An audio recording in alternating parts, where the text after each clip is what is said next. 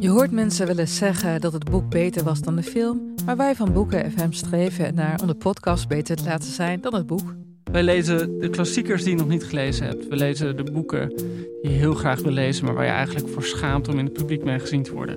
We lezen de Libris-winnaars. Uh, we praten over de Nobelprijslariaten. Allemaal zoals je een etentje hebt dat je moeiteloos mee kan praten en dat het lijkt alsof je helemaal belezen bent. Wij zijn Ellen, Joost en Charlotte van Boeken FM en je kunt ons luisteren in je favoriete podcast-app.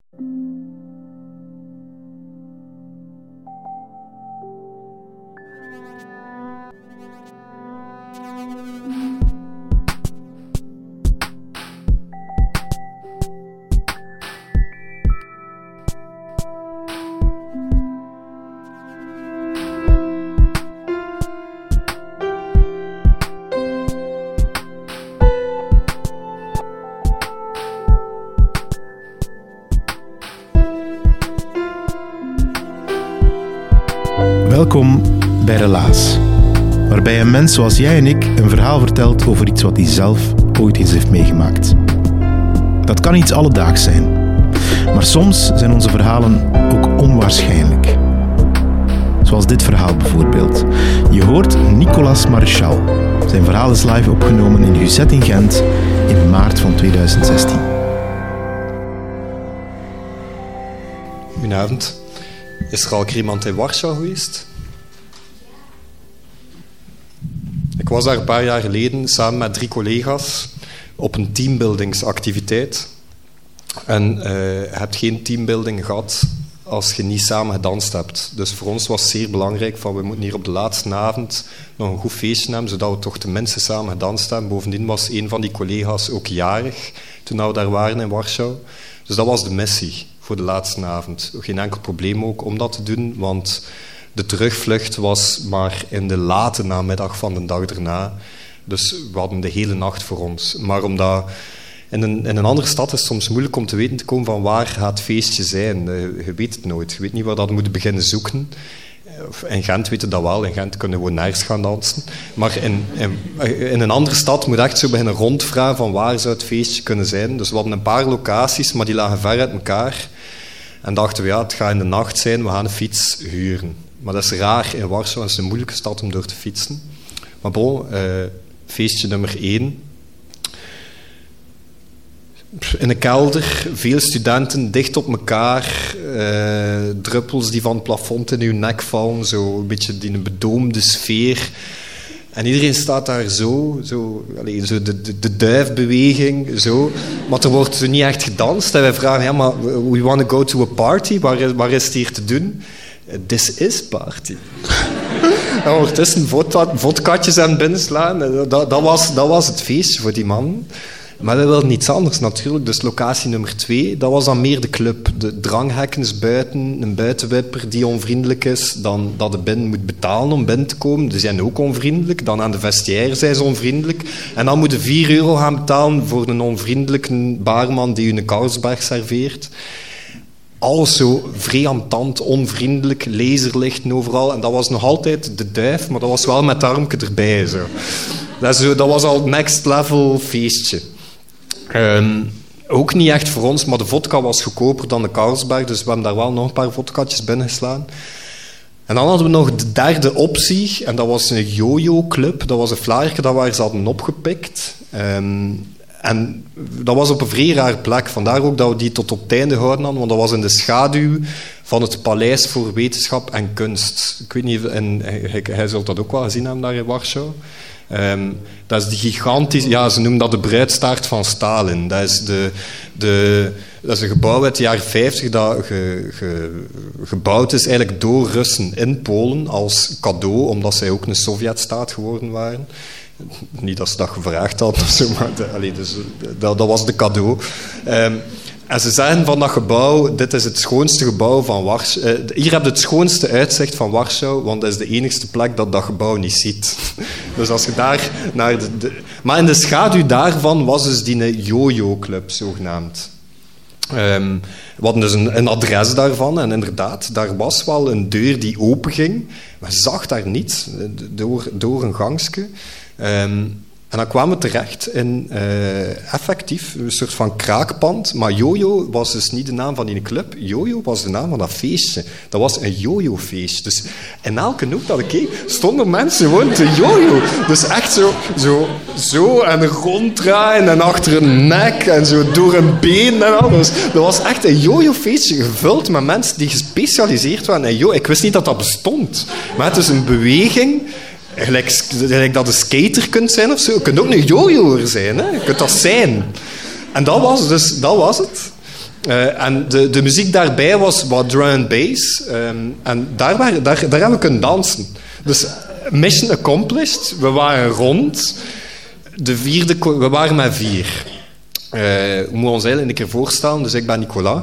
Uh, dan hadden collega S ja, ik moet de onschuldigen beschermen. Hè. Dus collega S, collega Y en uh, collega T. Maar collega T is naar huis gegaan na dat jojo-feestje, die had er genoeg van. Maar wij drieën die nog overbleven, wilden wel nog een vodkatje achterover slaan. En daarvoor zijn we dan naar een 24 op 24 uh, eh, haringclub geweest. Dat hebben we ook in, in Polen. Waar dat ze dus ja, dag en nacht haring serveren met vodka. Uh, een, een, instituut in de stad is dat eigenlijk. Daar zijn wij ons laatste vodkatjes gaan binnenslaan. Vrij. Maar dan kwamen we daar buiten in de frisse lucht zo. Het valt op u en dan voelt het. Hè. Oeh, wij zijn eigenlijk een beetje beschonken. Vreed eigenlijk. Dus, en dan, ja, we waren nog altijd met die fietsen. Uh, en dan... maar we, moeten, beginnen nadenken van ja, hoe gaan we weer naar huis gaan? Want dit is echt... Dit is niet zo gaat het niet de straat op. Wij, wij, wij, liepen scheef. Alles, was een, alles gebeurde al in een waas ondertussen. En we hadden echt door van, dit is iets te rap gegaan met die vodkatjes. Um, en dan hadden we het, eh, maar we wisten wat we moesten doen. We, we, moeten gewoon op het voetpad naar huis. Want de voetpaden in Warschau die zijn waarschijnlijk ook dankzij Stalin redelijk breed. En daarop kun je eigenlijk, je kunt dat beschouwen als een straat, dus daarop kun je eigenlijk perfect fietsen. Dat is wat we dan ook gedaan hebben, echt vrolijk laverend, zo echt, we waren goed geflambeerd, maar maakt niet uit, over, dat plankeer tot als we tegen een groepje politieman opbotsen, die ons tegenhouden en um, ja... Een politieman in België is vaak peervormig. Zo, zo. En dat heeft nog vaak een snor ook. Maar in Polen is dat anders. In Polen is dat meer zo'n jerrycan. Dus een, een, een, blok met een klein dopje van boven. En dat is aan zijn hoofd. En die staan daar zo. Dat is, en dat, een heel uitleg tegen ons waar we niets van begrepen. Geen woord Engels natuurlijk. Ook al ze direct door dat wij toeristen waren natuurlijk. Um, maar het enige dat we begrepen was alcohol alcohol. En die man deden zo van... Dus wat we moesten doen, was blazen in hun gezicht. Echt zo onze drankkegel op hun smijten. Dat was wat we moesten doen. En zo gingen ze beoordelen of dat we niet misschien te veel dronken. Dat was het geval, natuurlijk. Dus, en dan zagen we op die, op die, op die mannetjes zo een, een, een grijns verschijnen. Dat was een slecht teken. We waren daar ingeladen met de fietsen in een grote combi. Wij erin, fietsen erin. Um, maar op dat moment waren dus nog maar drie. Hè? Dus collega Y, collega S en ik. Um, maar collega S die kreeg het al wat moeilijk, want die uh, woonde in Antwerpen. En sinds dat Bart Wever daar de macht gegrepen heeft, is dat zo een anarchist geworden. En als je die van zijn vrijheid berooft... Die is echt allergisch aan flieken, eigenlijk. Dus als je die van zijn vrijheid berooft, wordt hij echt zenuwachtig. Dus dat was al wij, waren daar een beetje gelaten, maar die was van, no, I am a European citizen. I want to know my rights. Ik wil weten wat hier met mij aan is. Maar die man gaf geen uitleg. En ik zei tegen die Polen van... Ik, was al een keer in Polen geweest vroeger, dus ik ken zo wat zinnetjes. Dus ik kon zeggen, ik begrijp u niet en ik spreek geen Pools. Dus ik zeg dat tegen die man, nie rozumiem, nie mówię po polsku. Maar dat zijn de domste zinnen dat je kunt kennen in een andere taal natuurlijk. Want als je dat perfect Pools uitspreekt, dan denkt die man dat wel iets anders gaat begrijpen ook. Ik verstond er niets van, van wat ze ons aan het vertellen waren. Bon, uh, we zaten daar in, in, de, in, de, in de combi. We kregen geen uitleg, maar we zagen wel door dat klein raampje van achter dat dat Paleis voor Wetenschap en Kunst kleiner aan het worden was. En we waren echt Warschau aan het buitenrijden. Dat was echt een lange rit. We waren, dat was niet oké. Dat was verkeerd aan het, verkeerd aan het uitdraaien. Ehm, die flikken hadden ondertussen ook al onze identiteitskaart afgenomen. Ehm, maar dat was uit een van die gasten zijn vestzakje gevallen. En mijn collega uit uh, Antwerpen, collega S, dacht van... dus die pakt dat, stikt dat in zijn eigen broekzak en denkt van... Ik ga die man een keer goed leiden hebben, ik ga die een keer goed kloten. En dus we komen toe op de volgende bestemming, weten wij veel waar dat we zijn... En die man zoeken die drie identiteitskaarten, vinden er maar twee. En beginnen daar heel die auto binnenste buiten te keren op zoek naar die derde kaart. Wij weten dat, dat collega S. Dus wij twee die daar zo meegaand zijn. We willen dat er allemaal rap voorbij is. We willen daar niet te veel spel maken.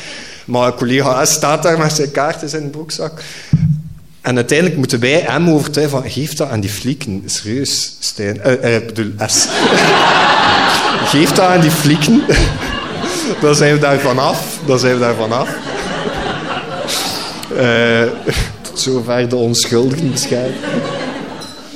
Um, wat ook gebeurt, en dan worden we binnen, niet, binnengebracht, maar binnengeduwd. Allee, die flieken, dat, is ook, dat zijn echt soldaatjes. Hè. Moesten ze kunnen pakken, like konijnen zo in de nek, ze zouden het zo doen. Hè.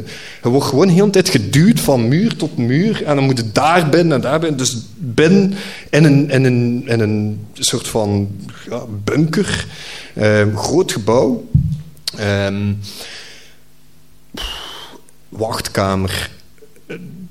Ja, de mensen die daar zaten, dat was iemand met een bontkraag, blutsen in zijn gezicht, bloedklonters aan zijn hoofd. Um, zo van die, ja, mensen die zo op een, op een grote blokken van mensen die op zo'n klein stoelje proberen een beetje in slaap te vallen, zo, zo in elkaar zitten eigenlijk allee, het, de, de veiligheid uit Warschau, het nachtleven van Warschau, bij elkaar geveegd en daar allemaal binnengebracht in dezelfde wachtkamer. Dat zat er daar. Zo van die mensen die geen hoop meer in hun ogen hebben. Zo echt gedraineerd. Daar zaten wij tussen. Dat was teambuilding natuurlijk. Hè. Dat, was, dat was goed aan het gaan eigenlijk nog altijd. Maar eh, ook daar was de voertaal Pools en kregen we geen uitleg natuurlijk. We moesten ons centuur uitdoen, we moesten ons schoenen uitdoen, we moesten onze portefeuille afgeven, we moesten onze gsm afgeven. We waren eigenlijk zo wat ja, gestript. En dan naar in een lange gang gestuurd met metalen deuren. En dan voor de tweede keer die avond zagen we een glimlach. En dan zei er iemand zo van, you go. Maar die you go, dat was niet tegen ons drieën, dat was tegen mij alleen. Van, ga jij hier maar binnen. En de volgende, ga jij daar maar binnen, you. Al drie in een aparte cel, deur toe, ook van die zwaar metalen deuren, maar echt de zwaarste criminelen beveiligd. En dat is echt gelijk dat u een cel voorstelt. Hè? Dus zo geen toiletpot, maar zo een, een, een gat uitgespaard in tegeltjes, zoiets dat je makkelijk kunt afspuiten bedden die vastgewezen zijn aan de vloer met van die zware metalen bouten. Um, een, klein, kijkvensterke in een zwaar metalen deur, zodat je zo juist zo iets kunt doorzien. Een vrij klein vensterke naar buiten ook, met tralies voor. Ja, het gevangen eigenlijk. Hè. Um, en, en, die, die, die, in, die, bedden lag er ook geen matras, maar een soort van groene kunststof die vrij naar zweetvoeten rook.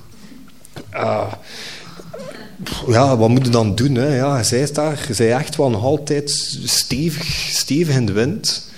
Ja, zo wat naar buiten kijken, kijken naar die combis die het vuil van de straat weer aan het aanvoeren zijn. Uh, je kijkt daar zo naar gevechten buiten, van die gasten die zich verzetten tegen die flieken, gevechtjes buiten. Dat was echt, dat was daar geen, dat was niet gezellig. Hè? Um, maar ik was zat genoeg om te zeggen van, bon, ja, een beetje slapen dan zeker. Um, we waren af en toe een keer gewekt uh, om nog een keer te blazen. Dus we werden gemonitord eigenlijk hoe dat zat met ons alcoholgehalte. En um, uiteindelijk werd het ochtend. Nog altijd lange tijd te gaan voordat onze vlucht was, want dat was echt tegen zes uur in de namiddag. Um, En we werden dan toch uiteindelijk alle drie naar beneden gebracht, opnieuw naar de wachtkamer. We kregen ons portefeuille terug. Maar dat was er gewoon zo 100 euro uitgenomen, de man. Zo, dat, dat, was, we hadden ons hotel al betaald. Dus zijn daar gewoon, ze, ze pakken dat daar gewoon uit en dan, moeten dat, dan, dan hadden ze dat al. Ehm, en dan dachten we van, plom, zijn er hier vanaf. Dus het verhaal zit erop. Maar dan kwamen de handboeien. Dus dan komt ja, dus echt, een, een, een, kwam er weer een flik. Dus het was weer dat. Want die andere, dat andere personeel, die hadden zo van die groene jassen aan, in een psychiatrische instelling. Maar dan kwamen de, de, de soldaatjes weer, dus de jerrycans kwamen weer binnengewandeld. En die sloegen ons gewoon met drie in de boeien. En dan waren wij, dat is teambuilding. Hè? Als je dus met drie aan elkaar in de handboeien hangt, dat is echt, dat is echt in zo'n combi stoken, weer met een kooien, gelijk voor hooligans te transporteren van het een naar het ander. Zo zwaar uh, bewapend. En in die combi vertelde collega S dan het verhaal van zijn nacht, want dat was niet helemaal hetzelfde geweest als mijn nacht. Collega S is die anarchist uit Antwerpen. Uh, wiens naam dan niemand kent. Uh, en die zei dat hij s'nachts, dus op dat knopje, het was een knopje naast de deur, waarmee dat, als je daarop duwde, kreeg je een glas water. Uh, maar hij bleef daarop duwen, want die wilde meer dan een glas water, die had honger. Dus die was daar blijven op duwen s'nachts, vertelde hij ons. En uh, hij zei dan, hij kreeg natuurlijk geen eten, maar hij zei dan, ja, maar ik heb suikerziekte en ik moet echt iets hebben, want anders ga ik hier, een aanval krijgen. En die man, en hij zei, geef mij een appel. en, en die man kwam niet terug met een appel, maar met zo'n prikkertje voor zo'n suikerziekte. We zullen zien of dat hij effectief zijn bloedsuikergehalte, of dat dat niet oké was. Dat was natuurlijk wel oké. Okay. Zijn alcoholgehalte niet, maar dat was oké. en dan, maar hij wou echt, hij wou, hij wou aandacht natuurlijk, maar hij wou ook weg en hij wou ook, ja, die kon niet slapen. Die kon echt niet slapen. Dus die is blijven duwen op dat balken en dan kwamen ze niet meer. En dan zei hij, ja, kijk, dan hier camera's in die cel. Ze gaan toch wel, moesten nu een epilepsieaanval hebben hier. Ze gaan toch wel komen. Ze gaan toch wel komen om iets te doen voor u. Zo. Zij gaan u toch niet hier laten liggen. Gewoon, zo liggen. En die heeft hem dan op dat groen matras klein zo laten schudden. En schuimbekken van... Ze zijn niet gekomen. Allee, wij dan naar het commissariaat. En... Um, als we daartoe kwamen, zagen we dat... Dus het, hij zegt van... Eh, toen was het communisme nog niet gevallen in 1971, maar het is nog altijd niet gevallen. Zo, want als je in het commissariaat komt in Warschau, dan... dan uh, zie je dat daar ja, een tijd heeft stilstaan. En dan werden wij binnengebracht bij meneer de commissaris, die natuurlijk ook weer geen uitleg gaf. Eigenlijk wisten wij nog altijd niet wat er gebeurd was met ons. Hè. We wisten, wij wisten echt van niets. Niemand legde ons gelijk wat maar uit. En die mens het was ondertussen tegen de middag, vlucht rond zes uur. Enfin, we dachten van, bon, alleen nu gaat hier toch wel ver afgelopen zijn. Dus die mens brengt ons binnen in een soort van ondervragingskamerke. Maar leg gewoon zijn voeten op zijn bureau, steekt een dvd'tje in en hij bent gewoon aan een film te kijken. Dus die, dat was echt, die zat daar gewoon naar zo'n Pools film te kijken. En wij zaten daar met drie op dat bankje, gehandboeid aan elkaar vast van, wat is dat hier? Allee, doe iets. En blijkbaar zaten we te wachten op de vertaler. Dien is binnengekomen en Dien heeft eindelijk uitleg gegeven. En Dien zei van, kijk, in Polen is dat even erg of dat je nu op de fiets rijdt of in een auto. Als je vrij veel gezopen hebt, dat is gewoon even erg. Het schijnt dat dat in België ook zo is, maar hier volgen ze dat zo niet op. Maar daar is dat echt waar. Dus daar beschouwen, er is nul tolerantie. Voor zo zal te zijn, is er gewoon nul tolerantie en dat is vrij erg. En dan zei kijk, en dan komt er weer zo glimlach. Je hebt zes maanden voorwaardelijk. En als, je, en als je nu in de komende drie jaar... Voorwaardelijk, dat wil nog niet zijn dat je het gevangen moet. Hè. Dus dat is als je nog een keer gaat misdoen. Maar als je in de komende drie jaar een voertuig gaat besturen in Polen... Een auto, een fiets, een trottinet, gelijk wat... Dan gaat je effectief zes maanden in de gevangenis vliegen. En dan zit je weer zo met een lachje bij zo... En dat is true. Dus dat is echt waar. Um, dus ik heb daar, wij, hebben daar nu allemaal een strafblad in Polen. Het is nog een paar maanden aan het lopen in feite nu. Ik durf natuurlijk niet naar Polen. Hè. Bedoel, wie weet dat die man daar allemaal als een voertuig beschouwen. Ik, misschien een roltrap al erg genoeg om daar te worden. Dus ik ga daar niet meer naartoe. Um, Maar uh, uh, ja, het is ondertussen was het duidelijk geworden dat we onze vlucht gemist hadden. En ja, uh, het zat erop. Um, en iedere keer als ik dat verhaal vertel nu, of als een van ons dat verhaal nu vertelt hier in België aan iemand die een Pool is, of getrouwd met... Is er hier iemand getrouwd met een Pool? Of zit er hier een Pools of zoiets? Niemand? Niemand die, anders gingen we er nog een keer een vodkatje op drinken. Maar iedere keer als we dat verhaal vertellen, dan krijg je altijd zo datzelfde lachje. Dus die Polen vinden dat allemaal een geestig verhaal. Die zijn het, het onrecht voelen die niet. Hè. Die vinden dat allemaal gewoon een geestig verhaal. Ja. Eindverhaal ook.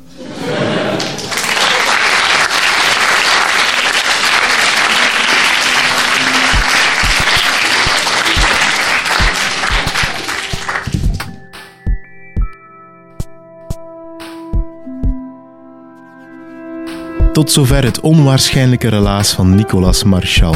Geen spatje zenuwen had hij op de avond dat hij dit verhaal moest vertellen. Want hij had het dus al zoveel verteld op café dat het voor hem een routine werd.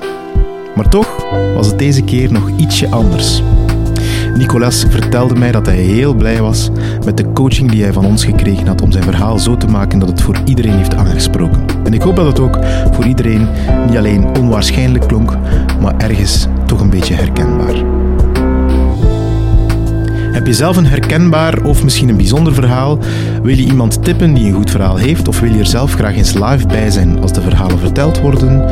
Surf dan naar www.relaas.be en je komt alles te weten over wie wij zijn, over onze vertelavonden die we elke maand organiseren en over onze podcast. Er staan er ondertussen 40 online die je kan beluisteren.